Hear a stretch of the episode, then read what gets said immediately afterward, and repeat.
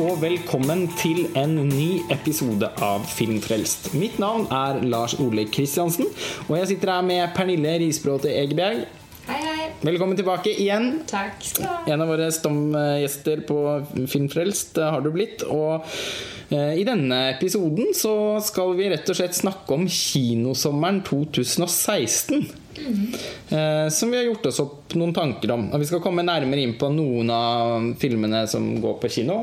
Independence Day, Resurgence, The Conjuring 2 er vel kanskje de vi skal snakke mest om. Vi skal også touche innom A Hologram for the King, The Survivalist, The Nice Guys, Kollektivet. I det hele tatt så skal vi forsøke å få komme, by på noen betraktninger om ganske mange av filmene som går på kino akkurat nå. Men sånn overordnet eh, sett så er vel syns vel kanskje ikke jeg at dette er en spesielt god kinosommer. Nei. Det er lite å tilby, men det føler jeg egentlig at det er nesten hvert år. De slår til med en eller to enorme blockbustere som slår veldig hardt den ene eller andre veien. Og så er det et sånt strøssel med masse andre småfilmer rundt. Og da er det ofte de, de virkelig gode filmene og de som ikke blir sett. Altså som Under sandet, som vi har pratet om i en tidligere episode. Mm. Ja, Det er vel en gjenganger. Du har jo jobbet på kino i mange år. Altså du har vel en særlig oversikt over egentlig hvordan kinokulturen er om sommeren? Det er jeg litt nysgjerrig på å høre om. Ja, nei, eh, Folk går fremdeles på kino. Og vi har jo altså, Fra et kinoperspektiv så har vi vært så heldige og hatt mye dårlig vær i norske somre. da Eh, Så sånn sett så går folk men, men, men de aller fleste går virkelig på blockbusterne. Jeg husker veldig godt det året hvor vi ikke fikk Transformers 4 eller 5, eller hva det var. Det ble, Fire. Fire. Og det ble masse rabalder over det, fordi det var jo det folk ville ha. Men så var det jo også den sommeren hvor Donald Planet of the Apes slo skikkelig hardt til og ble liksom den store, store filmen. Så det er liksom blockbusterne som går igjen, da. Og man forbinder ofte sommeren med blockbustere. Ja, det er det jeg forbinder kinosommeren med òg. Ja. Men noen år så kommer det jo virkelig gode blockbustere, som f.eks. Dawn of the Planet of the Apes, da, som jeg i hvert fall syns var en kjempebra sjangerfilm. Og i år forhåpentligvis Suicide Squad. Ja, helt på tampen av sommeren. Den må vi, det er vel 5. august denne premiere. Ja. Så må vi smøre oss med tålmodighet eh, og solkrem eh, fram til det. For, forhåpentligvis blir jo også skal jo været holde seg noenlunde ok. I, nå har det vært eh, Den uken som vi er i nå mens vi tar opp denne podkasten, har vært litt preget av noen sånne regnskyller. Men jevnt over så har jo egentlig været i sommer vært ganske bra. Ja. Så, så det matcher jo eh, kinotilbudet, i hvert fall. Eh, i, i, så måte at det er jo ikke nødvendigvis sånn at man må løpe til kino denne sommeren. her Man bør se The Neon Demon. Eh, man bør se Under sanden. Man bør se eh, Fuglehjerter. Eh, nei, fuglehjerter, sier jeg. Småfugler! det var den kortfilmen til Halvdan Ullmann Tøndel som vant eh, i Grimstad. Som. Absolutt, det er en kjempebra norsk kortfilm. Men det var småfugler jeg tenkte på. Ja. Islandske filmen til Runar Runarsson. Veldig sterk. Eh, distribuert av Artas. Eh, foreligger også et langt intervju med regissøren på montasje, som jeg kan anbefale dere å, å lese. Eh, og så har jeg hørt veldig mange gjetord om den svenske filmen 'Flukten'. Eh, distribuert av Merfilm, som vant eh, masse gullbanger, og som fikk helt fantastiske kritikker i Sverige. Eh, og som nå også har gjort det veldig bra eh, blant kritikerne her hjemme. Jeg har dessverre ikke fått sett den selv ennå, men det er liksom første på lista. Ja. Og vi kan vel også opplyse om at ingen av oss har sett eh, Tarzan. Nei. The Legend of Tarzan. Jungelens konge har, eh, har måttet vente Ja. foreløpig. Men uh, siden filmen er regissert av David Yates, som da som kjent gjorde de fire siste Harry Potter-filmene, så møter jeg den med en viss interesse. Ikke fordi jeg er så fascinert av uh, Tarzan-konseptet, men fordi eh, jeg syns at han har noe ved seg Ja. som, regi, som filmskaper. Uh, og jeg syns det har vært unaturlig lenge. Han har, altså, det har gått ganske lang tid siden den siste Harry Potter-filmen i 2011. Så han har brukt veldig lang tid på å stable et nytt prosjekt på beina. Ja. Så, så akkurat det jeg imøteser å bare se hvordan han har utviklet seg som filmskaper. Men eh, de første rapportene er vel ikke veldig oppløftende. Det er vel en film som har fått mildt sagt lunken mottakelse. Veldig lunken kritikk. Og jeg skal jo absolutt se den, men det er pga. Alexander Skarsgård, selvfølgelig. Mm. Eh, men det jeg frykter kanskje mest med Tarzan, er at eh, eh, det kommer til å være en slags sånn veldig kjedelig og eh, kritikkverdig eh, reprise av Christoph Waltz being Christoph Waltz. Fordi Det er vel lov til å si at man er litt lei av at han er den kalde, monotone bad guyen? er det ikke det? Det er jeg veldig mett på, eh, og det er jo det, også det jeg frykter mest med den filmen. Så dårlig han var i Spectre. Det er ikke lov. Nei, jeg skjønner ikke hvorfor han Jeg, jeg skjønner ikke hvordan han selv Han virker jo som en veldig oppegående fyr. Ja, veldig. Hvorfor han gang på gang velger å gjøre den samme rollen. Én ting er at filmskaperne syns det er en god idé å, å bruke han på en måte som gjør at det blir helt umulig for publikum å ikke bare hente med seg alle mulige andre Christopher Walls-roller inn i filmen, som blir et forstyrrelsesmoment. Ja. Men eh, jeg syns også det er merkelig at han selv syns det er interessant å gjøre Ja. de rollene igjen og Ta en igjen. og igjen. Sånn som når han gjorde Carnage. Da. Det Ja. var en veldig bra pause i det der eh, lange strekket med bad, stille bad guy-roller eh, som han har kjørt nå det siste tiåret. Det er en film som er verdt å nevne igjen. Ganske undervurdert sort komedie av Roman Polanski. Som eh, jeg hadde veldig stor glede av da, Ja. Da jeg så den på kino for tre-fire år siden. Tre-fire år siden. Eh, Men vi får vel kanskje begynne da med den største blockbusteren, eller i hvert fall den mest påkostede blockbusteren i sommer, nemlig oppfølgeren den ja, sikkert i visse kretser etterlengtede oppfølgeren til Independence Day fra 1996. 20 år etter kommer da Resurgence, også regissert av denne tyske Roland Emmerich, som har, med det hvite håret, som har spesialisert seg på katastrofefilmer av ymse slag. Eh, han eh, Sist han slo til ordentlig og, og på en måte traff publikum, det var med 2012. Eh, som jeg må innrømme at jeg hadde ganske, ganske stor glede av. Eh, mye merkelig og, og Altså, det er mye som ikke sitter helt i den filmen som fortelling. Jeg syns ikke Roland Emmerich er Jeg syns ikke, ikke han er god til å skape interessante, engasjerende rollefigurer. Nei, han er ikke så veldig god med mennesker. Han har mer det der eh, ta en monstertruck og knuse det som knuses kan, liksom. Det- Ja, ja. Han er veldig god på å la sånn skyskapere ramle sammen som korthus. Ja, Og, ja. og Ødelegge Det hvite hus. ja, det er han kjempegod på. Og så kan han på sitt beste være en ganske fremragende actionregissør. Men, eh, men med 2012 så la han på en måte lista ganske høyt for seg selv hva kommer til å ødelegge verden, som er favorittgeskjeften hans. Og det må han jo på en måte forsøke å toppe i den nye Independence Day-filmen, hvis han skal gi valuta eh, for pengene til de som går og ser den. Og jeg må innrømme at jeg følte ikke helt at han klarte det. Nei. Jeg hadde et veldig spesiell, jeg hadde et veldig spesielt forhold til den nye Independence Day-filmen. Fordi første gang jeg så den, så klarte jeg liksom å lene meg litt tilbake og skru av hjernen og bare det, Jeg forventa egentlig at det som skulle komme, var bare Jeg tok det litt for det det var, da. Og det var egentlig en slags Ja, jeg, jeg syns det var greit å, å få servert en kopi av den første, på en måte, for jeg visste at det, det handler jo basically om det samme. Denne gangen så har de bare tatt litt over 50% mer CGI-effekter og gjort det bare enda mer større og doblet budsjettet og mer til. Um, så den eneste forskjellen jeg forventa, var egentlig at de hadde kutta ut Will Smith og nå uh, erstattet han med en mye, mer, altså mye mindre karismatisk eh, fyr, altså Liam Hemsworth, som nå er liksom den store savior- savior-typen. da men av en eller annen grunn så, så syns jeg den var eh, kjempeunderholdende. Og så ble jeg bare så utrolig glad for at den ikke gikk så mye lenger over to timer.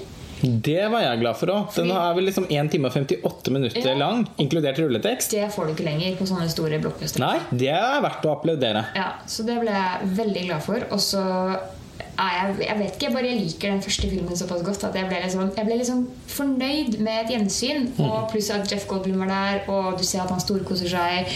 Han får ikke så mye spillerom som han burde ha. Nei, det gjør han ikke. Uh, og filmen trekkes ned av uh, andre dårligere skuespillere, det må jeg bare si. Men jeg så den på nytt ca. en måned etter. Og bare liker jeg den ikke i det hele tatt. Det var det som ikke fungerte. Den tålte ikke gjensynet. Den tålte ikke gjensynet, og jeg la bare så utrolig mye mer merke til manuset og manglene og alle de kleine øyeblikkene. Jeg vet ikke, Det var akkurat som om jeg så den for første, for den første gangen med et slags filter. Og jeg tror nok at jeg har vært den eneste anmelderen i Norge som har gitt den en positiv karakter. Men det er liksom for første gang så har jeg litt lyst til å trekke det tilbake. Fordi at nå, jeg føler at etter andre gangen jeg så den, så eh, fikk jeg liksom fulgt litt mer med og plukka opp det jeg kanskje ikke eh, registrerte så godt første gangen. Og det gjorde meg egentlig ikke noe at den var så klisjéfylt. Nei. For jeg tok den veldig for det den var, og jeg aksepterer den for det den er. Og det gjør egentlig ikke noe at, at det, det samme skjer igjen. Jeg forventet ikke at eh, Roland Emrik skulle liksom revitalisere hele sjangeren. Nei. Så, men, men så var det Ja. Ble det svakt. Altså, han har jo muligheten til å revitalisere sjangeren. Og den muligheten griper han ikke. Men han skal gjøre det, sier han. da Fordi at eh, han her vil jo lage en tredje Independence Day-film også. Men så var det er det veldig mange som stiller det spørsmålet hvordan skal du gjøre det større enn det det er nå. Nå som halve kloden blir dekket av det her moderskipet. eller hva det er Nei, nå må vi lenger ut. Da må han ut in outer space. Da blir det intergalaktisk krig. Da skal menneskeheten ta krigen til deres hjemmebane isteden. Og lykke til med det. ja, altså det skal ikke stå på ambisjonene eh, for eh, for liksom selve scenarioet eh, når det kommer til Roland Emrik. Men eh, eh, som sagt, han hadde jo hatt muligheten til å f.eks. bruke noen potensielt spennende elementer i vår tid til å forme fortellingen i denne runden, og det har han jo egentlig ikke gjort. Nei, i veldig liten grad. Han har, i hvert fall, han har plassert menneskeheten med alien-våpen, da. Men, det, men det blir jo egentlig bare sett på som en sånn comic relief i hele filmen. Ja, Han bruker ikke det til noe interessant. Jeg syns ikke han kaster et interessant blikk på tiden vi lever i. Eh, via Independence Day-konseptet. Så den blir jo på en måte bare en ønskereprise av den første filmen. Og på en måte så tenker jeg eh, som så Jeg er litt sånn delt, fordi på den ene siden så liker jeg å holde fast ved at jeg mener at sjangerfilm på sitt beste kan være like god og interessant og gripende og imponerende visjonær som en hvilket som helst festivalfilm. eh, Eller såkalt kunstfilm. Eh, Så sånn sett så syns jeg også man burde kunne vurdere den etter noen parametere som bare gjelder for all film. Er det gode karakterer? Er det en, er det en dynamikk i filmspråket? Osv. Eh, på den annen side, akkurat hva gjelder Roland Emrik, så føler jeg han har alltid vært så tydelig på det han gjør. Han er bare opptatt av å lage de eh, vanvittige eh, ødeleggelsesscenene. Eh, og det er også noe av liksom kultelementet ved Roland Emrik sine filmer. Er jo at han driter så veldig i alt det andre. Og at karakterene er veldig eh, parodiske og ofte litt sånn krøkkete Altså alltid krøkkete skrevet. Ofte også krøkkete spilt. Han er ikke noen stor skuespillerinstruktør. Eh, og at han bare liksom lar det fare litt. da Ja. Eh, Så på en måte så kan jeg kjenne på en viss irritasjon når jeg leser en del av de norske anmeldelsene som er ja, det er klisjé på klisjé. Ja, selvfølgelig er det det, på en måte. Men det er ikke det verste. Det er jo ikke det som Det er liksom ikke det som Nei, for det er ikke det. Det er ikke det som er mitt problem med Independence Det er greit også, det. Ja, det kan, det kan det. Og i hvert fall eh, hvis de blir brukt på en litt sånn selvbevisst måte, og det er tongue in cheek. Og det er i og for seg litt med Roland Emrik. Men, men det er det ikke nok. Altså Han klarer ikke å Jeg syns ikke i denne filmen at han klarer å utnytte den vulgære klisjébruken sin til, til å skape komikk. Eh, og en del av forsøkene på komikk, som er mer sånn karakterdrevne, eller karaktermotiverte, de syns jeg er veldig flaue. Utrolig dårlig. Sånn som den usedvanlig irriterende karakter Altså faren til Jeff Goldblum. Da liksom hele flodbølgen skyller over han er i denne dumme båten sin, så klarer han når han rir på den flodbølgen og presterer å si I should never have bought this boat. Det er sånn her, Hvem er det som ville sagt det i, i øyeblikket hvor du skal dø? For å lage humor. Det er ikke, det er ikke comic relief. Det er ikke Det er dumt. dette gamle homofile paret og eh, hadde jeg litt problemer med. Som både liksom skulle være kjempemorsomt og liksom forsøksvis litt hjerteskjærende mot slutten. eh, Et veldig klumsete innslag. Eh, Man har skuespillere også som man normalt eh, tenker at eh, Som normalt er veldig gode. Charlotte Gainsbourg tenker jeg spesielt på. Som snubler seg gjennom denne filmen. Hun er direkte dårlig. For meg så virket det som at hun sto og lirte av seg replikkene sine i et rom alene. Det virket ikke som at hun var i, i interaksjon med noen andre mennesker. Nei, det var veldig, veldig, veldig kunstig. Helt fraværende det, Du hadde vel intervjuet Jeff Goldblum i forbindelse med denne filmen. Hadde ikke han skrytt så voldsomt av Og det, det overraska meg veldig sånn i etterkant, fordi han, eh, han da han fikk spørsmål eh, fra noen journalister om hva han syntes om å være tilbake med både de gamle skuespillerne og noen av de nye, så var han ekstremt eh, glad for å endelig ha fått spilt med Charlotte Gainsbourg. Fordi oh, she can do everything. There's nothing she can't do. And she's so great, so intelligent. Akkurat på sånn Goldblumsk måte å prate på. Han var over han var helt fra seg i ekstase over hvor dyktig Charlotte Gainsburg er. Og tenker sånn, Hva er referansepunktet ditt eh, til å si det? Jeg håper ikke det er denne filmen. Fordi vi har jo sett at hun er jævlig bra, men hun er ikke det her. Nei, virkelig ikke. Det var liksom så jeg fikk lyst til å liksom nesten gi henne krykker til å støtte seg på. Eh, eh, og, og i det hele tatt så er det en Jeg hadde jo sett litt fram til å se hun Michael Monroe i en av de bærende rollene som jo imponerte veldig i It Follows. Spilte også en veldig kul rolle i den filmen The The Guest. Ah. Oh. En liten sånn kultfavoritt. Uopp, ja, uoppdaget for mange, men herved varmt anbefalt. Eh, men heller ikke hun klarer liksom helt å, å gjøre noe inntrykk, syns jeg. Men det er jo litt fordi hva hun har fått å jobbe med. òg. Hun er jo en bekymret karakter satt på sidelinjen. Som har tidligere vært tøff og pilot og liksom vært med disse her eh, flyverne. Som nå sitter på jorda og gråter og venter. Og først er hun lei seg er bekymret over faren, og så er hun lei seg er bekymret over forloveden. Så hun er veldig sånn satt i bås øh, og blitt en typisk kvinnerolle i et blockbuster-univers. Dessverre. Eh, og det er veldig vanskelig å tro på den tøffheten, for den ser vi så lite til i begynnelsen av filmen. Så når den liksom kommer til slutt, så er, det, så er man ikke overbevist, rett og slett. Nei. Og som du sier, det handler litt om hvilket materiale de får tildelt. Da. Og det er ganske rørende å tenke på at det har vært fem manusforfattere i sving for å forfatte denne For å skrive denne historien, eh, som jo er helt retningsløs og, og fantasiløs, på en måte.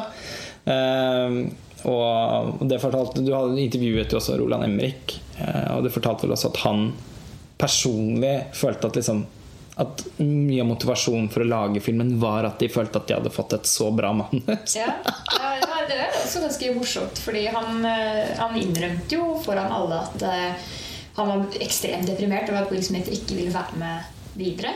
Så han la jo egentlig hele greiene på hylla i flere år. Og så var det venner og familie som hadde lest manuset og bare sånn Å nei, dette her må du jo få gjennom! Dette er jo så fenomenalt! Og han hadde blitt bare så Han hadde fått det som en sånn stor pådriver. Og så hadde han møtt noen yngre menn som hadde lyst til å være med og skrive sammen, og da følte de virkelig at de hadde fått ballen til å rulle, da. Så for han så var liksom eh, Manuset var jo et personsprosjekt for han. Så jeg tror at han, han er nok Han, han tenker nok selv at han er veldig flink. Når Roland ja, nei, Det er jo litt trivelig med han òg. Jeg syns for så vidt at han er flink til å skrive underholdning og, og katastrofe på den måten han gjør. Men han er ikke noe karakter... Altså sånn Nei, han skal karaktergalleri. Nei, det er han eh, ofte veldig svak på. Og det, og det blir dessverre for eh, ødeleggende for denne filmen. Eh, jeg må jo den skal jo, Jeg må jo si at i løpet av de 1 time og 58 minuttene så kjedet jeg meg ikke.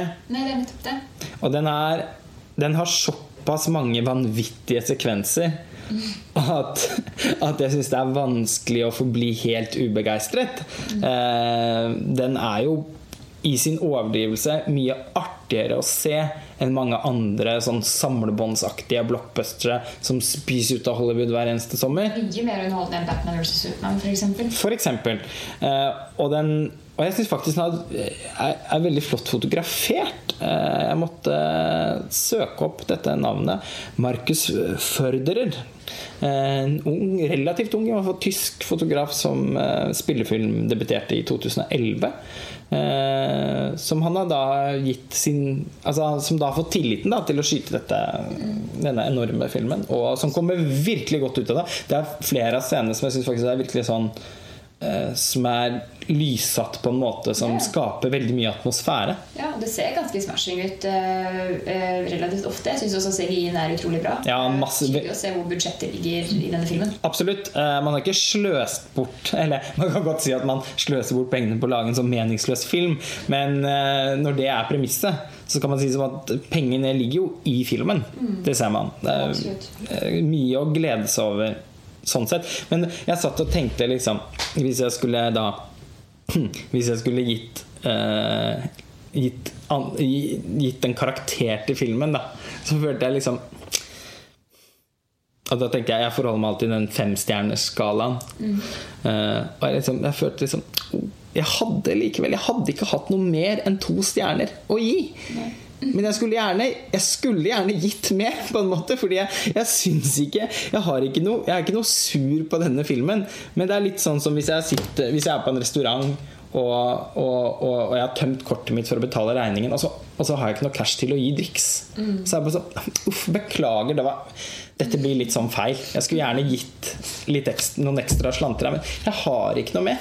Ja, det, er ikke, så sånn, det er ikke noe mer penger i banken. Så den får liksom Jeg føler litt at denne filmen får liksom to av to mulige stjerner. Ja, jeg var litt der at jeg dro mastercard jeg, var mer. Ja! Veldig morsomt. Men så uh, måtte du betale det tilbake ved gjensyn. Da. Du vet regningene kommer, og ofte er det gebyrer og Ja, så, så, så det var kostbart for deg Ja. å, ta det gjensynet. Eh, det er vel kanskje det vi har å si om Independence Day Resurgence. Eh, jeg vil også ha det nevnt at eh, Jeg føler også at filmen på, på en måte minner mer om Mars Attacks enn den originale Independence Day-filmen. Oi, det er jo veldig Og jeg tenker at det kan også høres ut som et problem. Eh, Jeg er veldig begeistret for Mars Attacks til Tim Burton, men det er jo en satire Ja. på sjangeren som jeg syns er veldig morsom. Ja, Du føler at han kødder litt med denne gangen? liksom? Ja, på en måte, men jeg syns ikke han lykkes, da. For jeg syns ikke humoren fungerer. Nei. Men det er noe humoristisk over hele filmens vesen Ja. som jeg ler litt av. Altså, eh, selv om jeg ikke syns forsøkene på humor er morsomme, så syns jeg liksom bare hele opplegget er litt morsomt. På en måte som minnet meg mer om tonen i Mars Attacks enn Ja. Independence Day, originalfilmen. Men eh, vi, ja, la oss eh, bevege oss videre til en annen oppfølger. En, også til en særdeles populær film, nemlig skrekkfilmen The Conjuring fra 2013 av James Wan. Ja. Uh, og det var jo en, noe så sjelden som en kritikerost, og syns jeg i hvert fall virkelig vellykket uh, skrekkfilm ja. Jeg syns den første er mye bedre, da. enn den oppfølgeren. Ja, egentlig. Ja, men du liker den første? Jeg liker den første godt. Ja, for det, jeg likte også den eh, I likhet med de fleste, egentlig. Jeg får inntrykk av at det er en film som generelt bare har gått veldig hjem hos eh, publikum. Både kritikere og publikum. Og James Wan har jo tatt en litt interessant reise. Han begynte jo med den helt patetiske, syns jeg, Så-filmen. Eh, men har jo, han føler jeg er en regissør som på en måte blir bedre og bedre for hver film. Eh, forut for mellom The Conjuring og The Conjuring 2 så lagde han jo også denne syvende Fast and Furious-filmen. Ja, ja. Så han har eh, etter hvert en litt sånn underlig karriere. Men det er jo skrekkfilm som er spesialiteten hans. Han har også laget Insidious. Ja, å, den er så jævlig. Jeg, som, jeg har ikke sett Insidious. Er, Alle tre. ja. ja, så jeg er såpass Du kan droppe de to siste, liksom. Ja. Men uh, det er typisk sånne filmer du ender opp med å se på kino fordi det ikke var noe annet på plakaten du ville se. ja. Og så var det liksom Så har de filmene en eller to helt forferdelig skumle scener, og så er resten ikke noe å skrive hjem om, liksom. Men jeg synes er problemet med at når du skal komme med en oppfølger i skrekkfilmsjangeren, så er det vel, eh, Jeg tror også dette er grunnen til at jeg liker den første mye bedre. Er at Når du kommer med en oppfølger, så er det veldig vanskelig å ikke bare kopiere seg selv for første gangen. Fordi i Conjuring og som i mange andre skrekkfilmer så følger du jo de samme menneskene som har de samme De bestiller over de samme problemstillingene. Så du ser på en måte egentlig litt sånn samme greia, da. Ja. Ja. Så, ja. Det blir veldig vanskelig å ikke få en sånn ønskereprise-feeling. Men når det er sagt Jeg satte meg ned og så The Conjuring 2 med helt sånn ok forventninger. Den har jo uh, fått, blitt ganske godt mottatt av kritikerne. Eh, og og det er i hvert fall ingen som har vært ute og ropt at det er en sånn type sånn fiaskooppfølger, som jo ofte er tilfellet med, med, med, med skrekkfilmfranchisene. Og jeg må si at jeg veldig lenge var oppriktig imponert. Eh, den første timen av denne filmen syns jeg var tidvis mesterlig. Eh, jeg syns at eh, den foregår jo utspiller seg i London. Og den har en sånn tung, trist, britisk stemning. Det er noe sånn den, ja, den er så mollstemt, den tidskoloritten. Filmen foregår jo Er det helt i begynnelsen av 80-tallet? Jeg tror det. Slutten av 70-, begynnelsen av 80-tallet. Den er, er en sånn Den er litt sånn full av sorg og død. Og den produksjonsdesignet og kostymene er så bra. Både liksom Det ser både veldig sånn Det er på en eller annen måte både veldig lekkert og veldig uttrykksfullt på, på samme tid. Jeg syns det virkelig formidler en sånn forferdelig tung følelse. Eh, og vi møter denne liksom fattige familien eh, som da rammes av eh, av en demon som hjemsøker den eh, ene datteren. Er ikke det at han er stuck i huset? Jo, han er det. Men det er jo, han velger jo hovedsakelig å kommunisere Ja. gjennom henne. Ja. Uh, og det er et veldig velkjent scenario, selvfølgelig. Og James Wan er jo åpenbart Altså Man kan si der hvor David Robert Mitchell, når han gjorde It, It Follows, som jeg syns er ti, det siste tiårets klart beste skrekkfilm, så så man jo at han kommer fra et Altså Han er åpenbart eh, han er inspirert av Dario Argento og John Carpenter og Wes Craven.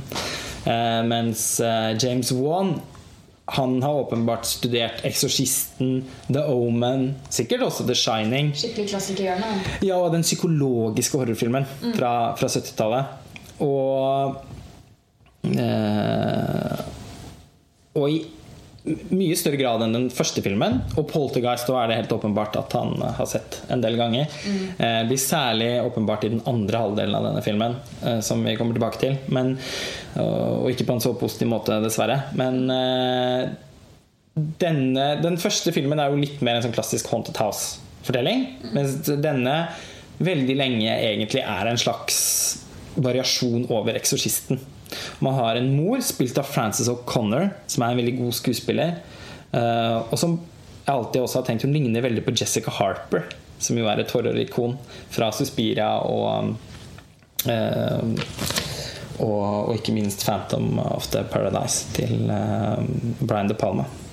Så, så hun har også et sånt uh, Men det er, bare, det er kanskje bare jeg som tenker at hun ligner sånn på Jessica Harper. Men jeg klarer ikke å ikke tenke på det når jeg, når jeg ser filmen og det er en horrorfilm. Men hun spiller jo da en mor som opplever at datteren hennes eh, blir besatt av en demon. Og og denne familien har på en måte ikke noen ressurser til å til å egentlig få noe hjelp til denne situasjonen, så de er nødt til å liksom få overbevist eh, de rette folkene om, om hva som skjer. Og hennes frustrasjon i, i hele den situasjonen da, blir formidlet på en på en, syns jeg, gripende måte. da som ligner litt på, eh, på det vi ser i 'Eksorsisten' med Ellen Burstyn sin karakter der. Jeg syns jo alltid synes at 'Eksorsisten' mer enn å være en skremmende film, er en veldig vond eh, film. Altså eh, en, en film om en, om en mor som har et sy på en måte i overført betydning har et sykt barn, og som eh, ikke vil bli og, som ingen er i stand til å forstå, og som ikke får hjelp av samfunnet. Det er litt irriterende òg, syns du ikke det? Man, man sitter der og blir sånn der, du holder så utrolig med moren. og Bare sånn Kom igjen, time is running out. Du trenger at dere er på vår side her nå, liksom. Ja, men den tålmodigheten har Altså, jeg liker den, eh, den dynamikken da som oppstår ved at Altså, vi er både Som tilskuere så sitter vi både og frykter hva som skal ramme datteren og familien under neste angrep på en måte fra denne demonen. Samtidig som vi også jeg bare Jeg syns det, dramaet får skrekken til å veie mer i hendene mine. da Jeg føler liksom at filmen handler om noe. Og der er jeg helt enig med deg fram til det blir altfor mye. Ja, Og det er det som er så underlig med, med, med The Conjuring 2. At den Veldig lenge er den så elegant regissert og så F, og ganske disiplinert. eh, og, og uhyre effektiv i nesten alt den gjør. Den gjør ikke noe nytt, men den gjør det veldig veldig bra, syns jeg. Jeg syns de første eh, rene sånn horrorsekvensene var oppriktig ubehagelige. Og det er veldig ofte sånn at det er de første som er de ekleste òg. Da du begynner å ane noe, og de det rammes, er ikke helt eh, klar over hva fader er det her. liksom. Og jeg syns alltid at det er da det er mest skummelt. Det er det. Når det, når det blir de siste halvtimen, 40 minuttene, så bare Åh, så bare multipliserer de det med ti, og bare er det ikke noe skummelt lenger. Nei. Du ser frykten så utrolig for mye i øyet da. Og det er jo problemet med nesten all horrorfilm. At det er jo alltid oppbyggingen som er det som er skumlest. Og forløsningen bidrar som regel til å legge en demper på det som var så skummelt med oppbyggingen i utgangspunktet. Fordi det som var uavklart, eh, blir for, forløst, da. Så, og det gjelder jo også f.eks. en film som det er naturlig å sammenligne denne med 'Poltergeist'. Eh, som i de første timene og ti minuttene eller noe er en sitrende, spennende psykologisk horror. Syns jeg, i hvert fall. Du er ikke like overbevist? Nei, jeg så den originale Poltergeist-filmen da jeg var voksen, og Ja. det er helt umulig for meg å synes at det er skummelt. Ja, den har jo ikke, altså, den, har jo ikke den samme Poltergeist fordi det er en Steven Spielberg-produksjon òg. Den har en litt sånn Amblin Entertainment-aktig feeling over seg. Ja. Gjør jo at den har jo ikke den horrorfølelsen som man får når man ser en film som 'Eksorsisten' eller 'The Shining'. Nei. Men jeg syns i hvert fall eh, den, Jeg syns at spenningens oppbygging i den filmen er veldig vellykket. Men så syns jeg at den faller litt sammen i det eh, på en måte heksegryta koker over. da Ja. Særlig den siste halvtimen. Og det er jo vanlig for skrekkfilmer at, at de liksom går litt over bord mot slutten. Men til vanlig så er det på en måte da 20 minutter til en halvtime som er sånn Å ja, nå ble det liksom litt ødelagt. Ja. Men jevnt over så syns jeg likevel det var veldig mye å glede seg over. Problemet med The Conjuring 2 er at den delen varer i 1 time og 20 minutter. Ja. For filmen er jo så lang. Veldig lang. Det, tok, Det gir seg aldri. det gir seg aldri. Og eh, fra at jeg satt og var tindrende eh, lykkelig eh, skrekkentusiast som jeg er, eh, over, over hvor godt den filmen liksom mestret sjangeren den befinner seg innenfor. I, en, I godt og vel en time så ble jeg også da tilsvarende skuffet når den virkelig går i oppløsning. Fordi filmen blir mer og mer andpusten. Den skal Det er akkurat som den ikke stoler på Den stoler ikke på seg selv. Og føler at på originalideen. Den må liksom legge til så mye ekstra. ja, det kommer inn en bifortelling eh, om eh, altså, som Patrick Wilson og Vera Farmiga sine karakterer, som er disse slags ghostbusterne, eller eksorsistene. Som eh, De er litt sånn De jeg liker litt med at de på en eller annen måte er litt sånn Indiana Jones-typer. At de har den derre kjelleren Ja. med de her eh, gjenstandene fra hvert oppdrag som de samler på. Og Det har sånn, jeg liker liksom franchise-elementet her, men i denne filmen så syns jeg de ble litt forstyrrende for den egentlige fortellingen. Ja. I, i den første filmen så syns jeg ikke det. Der hadde de en eh, Kanskje også fordi da syns jeg det var spennende med dem. At de hadde disse evnene til å kunne drive åndene ut av huset, holdt jeg på å si. Eh, og, de er, bas- altså, og det er også verdt å nevne da, for de som ikke har fått med seg det, men filmen er jo da basert på en virkelig historie. Ah, ja. Sånn ja. noenlunde. ja. Jo, men altså Mennesker, da. Lorraine og, og Edward. Ja. Ja. Og, og, det, og, og denne hendelsen i England også er jo da en av de mest dokumenterte eh, i sitt slag. Så og filmen også avslutter med en veldig sånn uhyggelig bildemontasje. Med bilder av Ja, de var litt, det var litt ekkel. Det var faktisk noe av det mest ubehagelige i hele filmen, syns jeg. Um, men, men ja, selv om jeg på en måte i utgangspunktet syns de er litt artige karakterer, så syns jeg de etter hvert tok litt for mye plass her og kom i veien for den historien som jeg egentlig engasjerte meg i, som var om den lille familien. Jeg skjønner. Og de blir jo liksom også katalysatoren for at, for at, for at det rett og slett blir en del sånn action. Hvor eh, hele rom i huset knuses, og, og, og kniver og borer. Det er vann i kjelleren. ja, og alt fyker veggimellom. Det blir veldig sånn Ja. overdrevent. Ja. Og på et tidspunkt så går den jo helt over i sånn poltergeist-modus. Og litt for mange overnaturlige elementer. Ja. Som tar helt Altså, det tar liksom luven av den antydende spenningen som så lenge gjør filmen god, da. Ja. Så Det er viktig å nevne at det er en veldig veldig, veldig fin scene der hvor han skjønneste Patrick Wilson spiller gitar og synger. Veldig sånn Elvis-type-aktig performance. Jeg du ja, det er vel Elvis også han uh, synger? Ja, han synger Elvis. Ja, mm. han, han har noe veldig Elvis-aktig Ja, ja, han var jo, han var jo kjempegod på å eh, gjøre Elvis, rett og slett. Jeg syns det var en fantastisk scene. Ja, men det var det. Det var jo også en av de scenene i filmen som jeg syns var rett og slett litt gripende. Mm. Jeg så filmen og begynte nesten faktisk å gråte fordi eh, Patrick Wilson er en såpass stor forelskelse. Så derfor, man, man, filmen vinner litt på det for Patrick Wilson-fansen, tror jeg. Ja, de har nok noe, noe å hente. Men jeg syns også det var en scene som var veldig motivert av fortellingen, og som jeg syns at eh, på en veldig fin måte knyttet et sterkere bånd mellom han og Vera Farmiga og den familien. da At det at de eh, går, liksom, går inn i situasjonen og ikke bare er opptatt av faget sitt, men også er De bryr seg, liksom. De bryr seg, rett og slett. De er medmennesker. Ja. Så jeg har satt også sånn sett veldig stor pris på den scenen. Men dessverre så syns jeg også dette da er en en, eh, ja, helt uten sammenligning med Independence Day. Fordi jeg syns kvaliteten i The Conjuring er, er virkelig er verdt å sette pris på. Og jeg må si at jeg, det er en film jeg anbefaler. ja. Du skvetter nok, hvis det er det du er ute etter. Ja, og det er noe med et eller annet Hvis man er litt horrorentusiast, så vet man også Vet man å sette pris på det er, det er såpass vanskelig å få til noen av de tingene som James Wan faktisk får til i denne filmen. Så sånn sett så er det liksom mer enn nok å glede seg over. Men jeg syns det er en stor skuffelse at filmen ikke på noen som helst måte kommer seg i mål. Nei. Så sånn sett er det ikke akkurat sånn at jeg sitter og sikler etter en tredje film, som helt sikkert er på vei. Helt sikkert.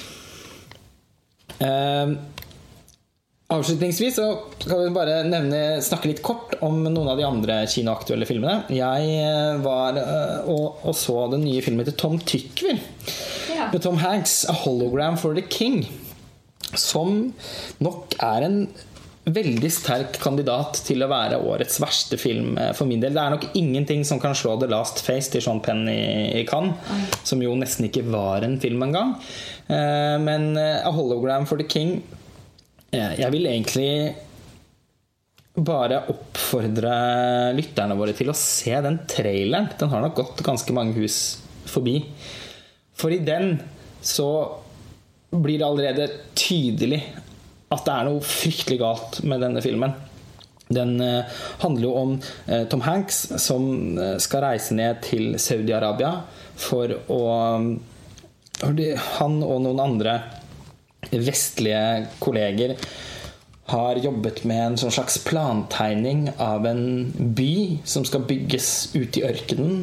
Og så har de laget et hologram på hvordan de har forestilt seg at denne byen skal se ut. Eller noe sånn. Det er veldig utydelig fortalt i filmen. Er det det han tror? Ja, på en måte. Og så Det så godt ut og så skal, skal På et eller annet tidspunkt så skal en konge komme og se på det hologrammet, men er alltid forsinka. Så det blir også en slags sånn forviklingskomikk rundt at han aldri kommer. Og Tom Hanks skaper et sånn buddyaktig forhold til en sånn lokal taxisjåfør som er veldig pinlig. Snytt ut av nesa på det mest busete 80-tallsnesa du kan tenke deg. Eh, Eh, og det virker veldig sånn, en veldig utdatert måte å skildre liksom, møtet mellom to kulturer på. Eh, og så har man veldig for, et veldig fordomsfullt blikk på saudi-arabisk kulturen. Og det er veldig mye fokus på at det er ikke lov til å drikke alkohol. Eh, de får aldri ordentlig internett, for de er bare ute i ørkenen. Eh, veldig mange sånne mistroiske blikk som kastes fra, fra kvinner med slør. Det er noe et eller annet med med, med skildringen av denne kulturkollisjonen som er veldig latterlig. Men hva gjør egentlig Tom Hanks i den filmen? Nei, han, oppdager da også, Han har en sånn voiceover gjennom hele filmen som er en slags dialog med datteren hans. For det er noe uforløst rundt at han har skilt seg fra kona, og, og hun datteren at, de har sklidd litt ifra hverandre, eller han Han sier på et eller annet tidspunkt at 'jeg føler meg så retningsløs'. Akkurat som filmen han er, er i. Fordi det er ikke noe retning på det. Jeg skjønner ikke hva det egentlig gjør der. Men det er liksom også en slags linje i fortellingen. Og så oppdager han en sånn kreftsvulst eh, på ryggen som han går og får undersøkt og får operert bort der nede av en kvinnelig lege som han får et øye til. Og de, han inviteres til hennes hus, og så nakenbader de. Eh, og så blir det også litt sånn sånn å, Selv om hun er fra liksom er tildekket. Eh, eh, så, så når han blir invitert med hjem, så viser hun en annen side ved seg selv og sin kultur. Ja, de har selvfølgelig også sprit i skapet. Eh, altså, åh, det er bare så latterlig. Og, og så oppstår det en slags forelskelse, og så føler han at han har fått litt ny en, en, en fornyet livsgnist, og så er det på en måte ferdig. Pray Love med Tom Hanks. Ja, den, vet hva, den var så forferdelig, den filmen, at jeg har ikke helt klart å få kartlagt eh, helt uh, hva jeg syns var så ille med den. Det tror jeg kanskje jeg skal prøve å gjøre ved å, å skrive om den, rett og slett. Eh, unaturlig og for montasje, i hvert fall. Og som vi velger som regel bare å, å skrive om de filmene som vi syns er interessante. Men eh, noen ganger så, så, så blir det jo også så elendig at, at det blir rett og slett litt interessant. Tom Tykver er en regissør som jeg fra tidligere av har hatt et veldig nært forhold til. Eh, og jeg syns jo egentlig stort sett at de engelskspråklige filmene hans har vært mye bedre enn sitt rykte. Jeg syns at 'Parfymen' var en vellykket adaptasjon av den boken til eh, Patrick Sysken. Um, og det sier jeg som en som også da er veldig fan av den boken. Um, og jeg syns The International var en helt fremragende agent-action-thriller. Uh, for meg den beste James Bond-filmen de siste 20 årene. Så, og, og, det var også en film som fikk veldig lunken mottakelse, som heller ikke gjorde det noe særlig bra. Uh, I hvert fall som jeg kan erindre. Nå jeg ikke, sitter jeg ikke med disse tallene. Kan godt hende den gjorde det bedre enn jeg trodde. Men den fikk i hvert fall ble, ble ikke møtt med noe særlig entusiasme. Den har jeg faktisk sett flere ganger og har hatt veldig stor glede av. Uh, dess mindre sagt om Cloud Atlas, dess bedre. Men det syns jeg mer handler om Warskovskij-søstrene, er det vel nå, uh, enn en Tom Tykver. Men dette her var Altså, nå har jo nå har vi mistet noen store filmskapere i det siste, sånn på ordentlig. Både Abbas Kiarostami og Michael Simino eh, døde jo kort tid etter hverandre. Simino har jo ikke laget en film på veldig veldig mange år, men eh, Abbas Kiarostami var jo et forferdelig tap. Eh, det var en filmskaper som åpenbart hadde mange interessante filmer i seg fortsatt. Så det setter jo nesten sitt preg på filmsommeren, det også. At man har mistet en så vesentlig filmskaper. Men jeg føler faktisk også at vi har mistet Tom Tykver. Og det høres jo forferdelig flåsete ut uh, når jeg setter det Det er ikke ment sånn, men, uh, men det skal mye til å komme seg etter en så uh, så forferdelig film. Det har jo selvfølgelig skjedd før, så for alt jeg vet, så kanskje han gjør en kjempebra film om noen år igjen. Men det var virkelig jeg var, gans altså. ja, jeg var ganske nedstemt når jeg forlot den visningen. Og jeg hadde jo veldig lave forventninger i lys av den traileren. Men jeg antok jo også at Tom Tykvir kanskje ville gjøre noen grep som eh, Som var litt interessante. Eh, men det var helt Helt eh, håpløst. Vil du si at den gjeve Tom Hanks-fanen også kommer til å bli skuffa? Eller vil Tom Hanks-fans liksom se den fordi Tom Hanks og tenke at ja, hyggelig med Tom Hanks? Tom Hanks er jo en god skuespiller, da. Så han gjør det jo eh, Altså, han gjør en helt respektabel rolleprestasjon med det manuset han er gitt i hendene. Mm. Så han er ikke Altså, det er ikke han som skal stå til svars for dette her. Ja. Eh, det er jo dessverre Tom Tykver. Men jeg kan jo ikke anbefale den til Tom Hanks-fans av den grunn. Altså, jeg setter selv pris på Tom Hanks og skulle gjerne hatt denne filmen usett. Ja. Så, det, så sånn er det. Ellers så har jeg også sett den uh, The Survivalist. Uh, som uh, nordirsk filmskaper som har fått veldig mye positiv oppmerksomhet. Den har jo beveget seg litt sånn under radaren, men eh, jeg har jo snappet opp at den interna særlig internasjonalt har fått noen veldig flotte kritikker.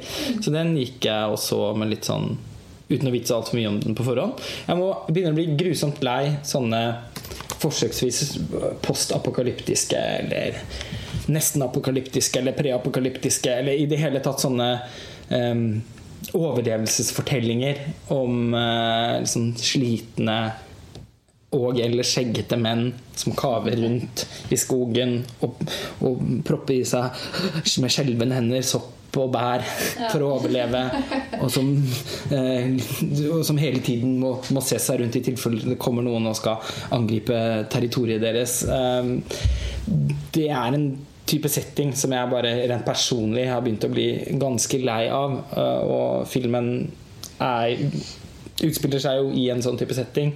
Men eh, eh, Og den handler jo om at han hovedkarakteren som har liksom bygd opp eh, en liten altså Han har jo fått i gang noe et, et lite slags jordbruk, og han klarer seg på en måte. Da så møter han en gammel kvinne og hennes datter som, som han inviterer til å bo sammen med seg, i hvert fall for en periode. Men de har jo ikke da helt rent mel i posen.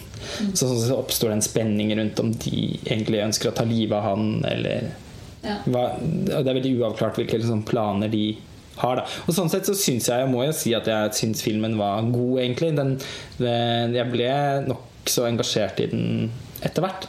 Så men, eh, men ikke det helt store Jeg klarer nok ikke helt å leve meg inn i den i den uh, til dels panegyriske mottagelsen da, som, som, filmen har fått. Men det tror jeg kan handle vel så mye om smak mm. som om filmens kvalitet uh, eller mangel på, på kvalitet. Um, men du har også sett noen filmer som jeg ikke har sett. The Nice Guys. Ja, i hvert fall det. Ja, The Nice Guys. Det var en, det var en sånn jeg kan på en måte ikke si positiv overraskelse fordi at den har hørt så mye bra buzz etter Cannes. da Og det var mange som anbefalte den, og den hadde allerede fått veldig høy på Rotten. Så jeg visste jo at ok, jeg kommer til å gå til noe som tydeligvis er bra. Og forventningene mine lå jo ganske høyt fordi at jeg, jeg er glad i Shane Black. Jeg syns ikke Iron Man 3 er dritt. Nei. Jeg digger Kiss Kiss Bang Bang og hva han har gjort ut av det. Og nå føler jeg at han har funnet litt tilbake til den spiriten fra 2005. Kiss Kiss Bang Bang. Oh, du husker ikke helt, men ja. rundt da. Ja. Han har funnet litt tilbake til det. da Det virker som at han, han, koser seg fryktelig mye med disse utrolig rotete historiene. Som på en måte Det er ikke så himla viktig eh, egentlig hvordan storylinen er og utviklingen. Fordi det, altså, det er jo sånn Nei, ikke, ikke, ikke, det beste, da. Men jeg syns at uh, manuset er bare så utrolig morsomt. Og han har liksom valgt ut skuespillere som, som kler rollene veldig godt. Uh, Russell Crowe uh, har vel egentlig aldri syntes har vært sånn veldig god etter 'Gladiatoren'. Uh, er veldig god i 'A Beautiful Mind', da. Uh, ja. Master and Commander ja, ja, okay, men, altså, men, men, det er lenge siden Russell Crowe har hatt en virkelig interessant rolle. Det kan jeg i hvert fall si meg enig i. Uh, men ja, Nei, jeg er ikke sånn kjempefan av å Men, uh, men ja, det virker litt som at han kanskje har dukka opp og har gjort det han har blitt betalt for. Og han har liksom litt lyst til å pakke sammen og bli ferdig. og sånn Men innimellom så ser det ut som han har det gøy. Men den som virkelig har det gøy, det er Ryan Gosling. Mm. Og det er så forfriskende og funny å se at han endelig kan være morsom. Mm. For nå syns jeg vi har fått ekstremt mye serious face eh, fra Ryan Gosling. Mm. Og det har vært eh, egentlig bare i den gaten i forskjellige former. Ja, det er ikke komikk jeg forbinder han med. Nei, men her, altså, det ser du bare i traileren nå. At det er, et, det er veldig mange øyeblikk som er veldig morsomt eh, med han. Og det er først og fremst fordi det er klønete. Så her funker den altså Ikke direkte sånn eh, bløtkake-trynehumor-type ting, men her funker den eh, miste sneipen i skrittet og eh, når Russell Crowe skal kaste en pistol til han, så, så klarer han ikke å ta imot, så den fyker rett ut av vinduet. Og bare sånn, det er kaos etter kaos etter kaos. Og det trapper seg veldig opp. Og hadde dette her vært med kjedeligere skuespillere, eller mindre karismatiske skuespillere, så kunne det også blitt litt teit. Mm. Og en sånn litt sånn Jeg vet ikke Det kunne fort blitt en sånn director for hire-film, Mm. men siden det er Shane Black, og han liksom har eh, satt sitt preg på det, og manuset er så utrolig morsomt Og det er vel først og fremst manusforfatter han er. Altså, jeg husker, Ja. Han skrev også manuset til Last Boy Scout til Tony Scott. Et Veldig morsomt manus. ja, Så- Han er funny, altså. Ja. Så, så sånn sett så ble det en skikkelig morsom actionkomedie. ja. Selv om handlingen i seg selv er litt sånn Jeg kjøper den ikke. Nei. Og det er teit. Mm. Men det gjør ikke noe. Det skjønner skjønner. Ja, jeg, jeg kjenner at jeg får lyst til å se Ja. den filmen. Lenge siden. Det, er, det, det går jo ganske lang tid mellom de virkelig vellykkede komediene. Eh, Det har jo også hendt at de dukker opp på sommeren. F.eks. Altså 21 Jump Street. eh, eh, Det var vel sommeren 2012 eller 2013, kanskje. Ja. For den, men det var også en sånn der herlig komedieoverraskelse da, Ja. i sommersesongen. Vi har jo også begge sett den kollektivet til Thomas Winterberg. Eh, er vel ikke så mye å si om den. Jeg var Egentlig ikke skuffende lite å si om den. Ja, jeg må innrømme at jeg ble veldig skuffet over den. Og så Jeg ble så utrolig overraska over at eh, Trine Dyrholm har vunnet Sølvbjørnen. Eh, så, altså, hun er dritbra, liksom. Hun er jo alltid kjempebra, så Hun er god, men enhver pris til Trine Dyrholm øh, føler jeg på en måte at er greit. Men øh, jeg, jeg syns også det var et underlig valg. Jeg syns Ja. det er en uspennende rollefigur. Og nå, når Lucas Modisson har laget 'Til sammen', som på en så fantastisk måte Ja, tar liksom Tar et 70-tallskollektiv på kornet, da, så syns jeg det er så kjedelig å se at eh, Thomas Winterberg, som selv har omtalt dette som hans mest personlige film, bygget på hans egne erfaringer fra barndommen osv., eh, ikke evner å skildre egentlig et kollektiv i det hele tatt. Det er først og fremst et ganske sånn klisjéfullt trekantedrama. Ja, er det du følger, og det syns du ble altfor mye fokus på hun her nye jenta og den der hele konflikten hvem av dem skal få lov til å bo her eller ikke. Det er helt klart han mannen som skal ut. Ja. Altså sånn, det er det var utrolig mye eh, vektlegging på det, og det var veldig frustrerende. For jeg syns det var en teit konflikt. Det syns jeg òg. Og, og jeg syns at den gikk utover skildringen av kollektivet. Altså jeg følte jo at dette bare var et hus med masse folk, og at de andre medlemmene i kollektivet ble sånn eh, ja, uinteressante birollefigurer liksom, i randsonen av fortellingen. Eh, som aldri Jeg følte aldri at jeg ble kjent med dem. Og jeg syns ikke det var en eh, Den Altså, jeg, jeg syns ikke det var noe Den dynamikken da som man på en måte forventer å se mellom eh, mennesker som bor så tett på hverandre og i en, på en sånn spesiell måte da, som et kollektiv er. Jeg syns ikke filmen hadde noe av det i seg. Så jeg fikk liksom ikke følelsen Og det, det, jeg, det syns jeg rett og slett er dårlig filmskaping. At han klarer ikke å skape følelsen av at du blir invitert inn i et kollektiv og leve sammen med dem i løpet av filmens Det som skjer, er at de bader naken, liksom. Jeg forventa litt mer av, av et sånn hippieaktig kollektiv på 70-tallet. Litt sånn free loving og Det var liksom en lite Ja, så var den ikke noe morsom heller. Jeg følte ikke at han klarte å sånn, I motsetning til Lucas Modisson sin film, da, som på en så herlig måte sånn, skape komikk eh, ut av mange av de altså, Og de ideologiene òg, da, som, eh, som gjerne gjorde at folk fant sammen og valgte å leve på den måten, det blir heller ikke diskutert i filmen. Så sånn sett så er det helt Så skjønner jeg bare ikke jeg skjønner ikke hvorfor filmen er lagd altså, på den måten som den er gjort. Og hvorfor heter den 'Kollektivet' når den virker helt uinteressert i nettopp det at de lever sammen i et kollektiv. Og noe som gjør det ekstra skuffende, er jo at vi vet jo at han kan. Altså Han liksom sånn Han plasserer en gruppe eksentriske karakterer rundt et bord, og så vil det skje noe bra. Det har vi sett før. Ja, altså festen, selvfølgelig. Og nå er jo Thomas Winterberg en vanvittig ujevn regissør. Jeg syns jo nesten Eller nesten, jeg syns alt han lagde mellom eh, festen og, og, og jakten på ulike måter er mislykkede filmer. Men så fikk han jo et kjempecomeback med jakten. Og Far From The Manning Crowd vil jeg bare si at den syns jeg var veldig bra. da Ja, jeg syns også den var bra. Eh, Jeg var ikke over, liksom i skyene over filmen, men eh, den var veldig godt spilt, og den var ikke minst var den veldig vakker. Og, altså, apropos å klare å skape en atmosfære og en følelse av sted, eh, så lyktes han jo veldig godt med det i den. Og desto mer skuffende å se hvor uinteressert han bare virker som filmskaper i kollektivet. Så det er ikke noe anbefaling. Nei. Og jeg ble litt sånn ekstra sur over at jeg så at han skulle ha med seg en av Skandinavias absolutt morsomste skuespillere på rolllisten, Fares Fares. Og så får han bare e- ett moment to shine, og det er når han sitter og griner. Han prøver å komme seg inn i kollektivet. Altså, da har du kasta bort det kuleste kortet du kanskje kunne hatt. Fordi den skuespilleren der er eh, i mine øyne helt magnificent. Ja. Og når du først har med deg han, så syns jeg at eh, Da skal du bruke han.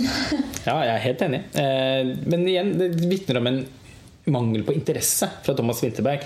Og det er litt paradoksalt med tanke på at han selv har, har løftet altså, så, I intervjuer og sånn har, har snakket om dette som, han, som, et, eh, som, som, en, som et spesielt personlig og viktig prosjekt for han. Da. Så, så det er jo litt sørgelig. I det hele tatt så er det vel ikke en veldig lystig dom vi kaster over filmsommeren eh, eh, 2016 foreløpig. Som sagt, The Neon Demon eh, som i hvert fall i mine øyne er Nicolas Windingreft sin mest interessante film til nå. Eh, Under sanden, som vi har laget en podkast om. 'Småfugler' av Runa Runarsson. Tre høydepunkter som alle burde forsøke å få med seg. Ja. Og, eh, og det skal også sies at eh, The Neon Demon har også vist seg å være en liten film, for den er det ingen som vil se, så den forsvinner fra kino hvert øyeblikk. Så hvis du har lyst til å oppleve den eh, audiovisuelle ekstravaganzaen som den er så i en kinosal, som seg hør og bør, så bør man virkelig kjappe seg. For det er en visuell fest, altså. Ja, det er det virkelig. Eh, og, men det er jo noen filmer som kommer framover. Som sagt, vi har ikke sett Tarzan enda eh, Kanskje litt usannsynlig at den vil gjøre noe med helhetsinntrykket. Men det kommer jo en ny Jason Bourne-film. Og da er det jo Greengrass og Dame, Matt Damon som vender tilbake til eh, Bourne-universet. Og så er Alicia Vikander med. Og det er jo alltid et pluss. Alltid et pluss. Så den imøteser jeg med en viss spenning. Mm. Eh, Det hadde vært hvert fall morsomt om de klarte å revitalisere det Revitalisere, revitalisere eh, Born-universet igjen etter den litt sånn fiaskoartede fjerde filmen Ja. til Tony Gilroy. Eh, og så kommer jo Suicide Squad, da. Mm. Eh, 5. august. Og den, selv om jeg begynner å bli nokså lei disse superheltfilmatiseringene, så må jeg jo innrømme at den ser eh, vital ut. Trailerne og. Ja, altså alt promomaterialet i det hele tatt da Mye som frister. ser forlokkende ut. Ja. Så vi skal sikkert lage en podkast om den Ja. når det blir eh, aktuelt i begynnelsen av august. Men inntil videre eh, så får vi bare håpe at, at, at, at været er bra.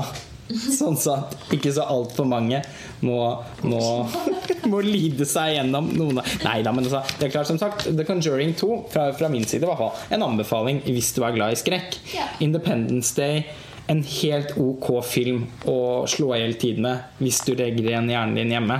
Ja. Men eh, ikke noen The Dark Night Nei, å snakke om så langt i 2016. dessverre. Ok, da får vi runde av. Takk for nå, Pernille. Vi snakkes. Ha det bra.